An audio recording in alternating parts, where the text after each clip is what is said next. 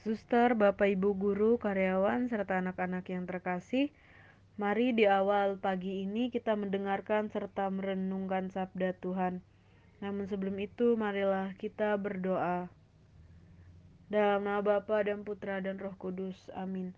Allah yang penuh belas kasih, syukur dan terima kasih atas berkatmu dalam sepanjang serat malam kami, hingga pada pagi yang indah ini kami dapat dibangunkan dengan kekuatan, kesehatan, serta semangat yang baru. Pada pagi hari ini kami akan mendengarkan serta merenungkan sabdamu. Semoga sabdamu hari ini dapat menguatkan kami dan menjadi pedoman untuk kami menjalankan hari ini. Inilah doa dan permohonan kami demi Kristus Tuhan dan pengantara kami. Amin. Inilah Injil suci menurut Markus. Dimuliakanlah Tuhan.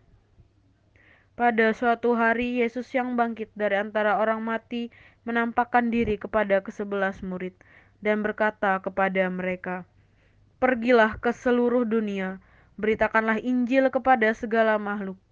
Siapa yang percaya dan dibaptis akan diselamatkan, tetapi siapa yang tidak percaya akan dihukum. Tanda-tanda ini akan menyertai orang-orang yang percaya. Mereka akan mengusir setan-setan demi namaku. Mereka akan berbicara dalam bahasa-bahasa yang baru bagi mereka. Mereka akan memegang ular dan sekalipun minum racun maut, mereka tidak akan mendapat celaka.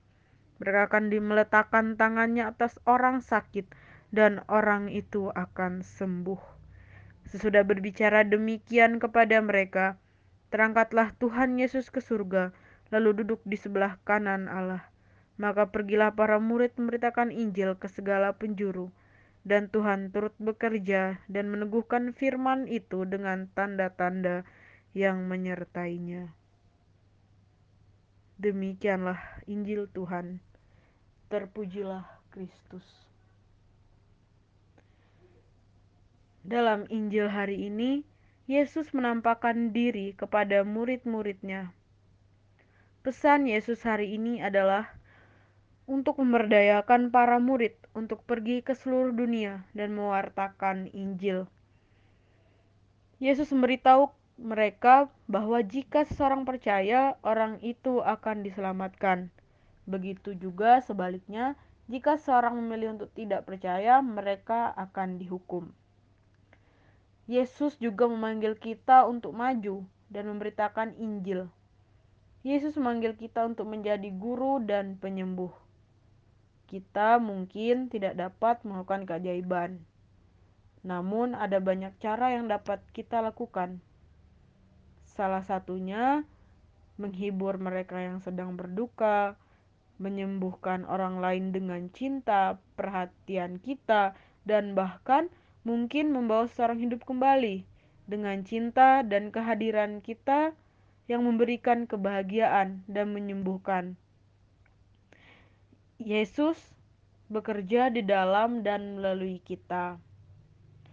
Pada hari ini juga bersama gereja kita merayakan pesta Santo Franciscus Saverius, imam dan pelindung misi.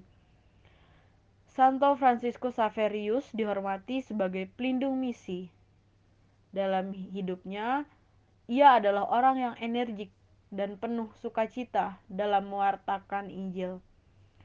Tuhan selalu menyertainya dalam setiap perjalanan misinya untuk mewartakan Injil. Teladan Santo Franciscus Saverius ini kiranya juga kita miliki agar mewartakan Injil dengan penuh sukacita sebagai bahan refleksi untuk diri kita masing-masing. Apakah kita mampu seperti Santo Franciscus Saverius yang kita rayakan pada hari ini bersama gereja mewartakan misi kita kita mewartakan misi mewartakan Injil dengan penuh sukacita dan kegembiraan di mana pun kita berada. Marilah kita berdoa. Allah Bapa Maha Pengasih, Engkau telah memanggil banyak orang untuk meneruskan karya putramu seperti Santo Franciscus Saverius. Semua bangsa mengenal kasihmu. Bantulah kami mewartakan kasih-Mu pada setiap orang yang kami jumpai sepanjang hari ini. Demi Yesus Kristus Putramu, Tuhan dan pengantara kami, kini dan sepanjang masa. Amin. Dalam nama Bapa dan Putra dan Roh Kudus. Amin.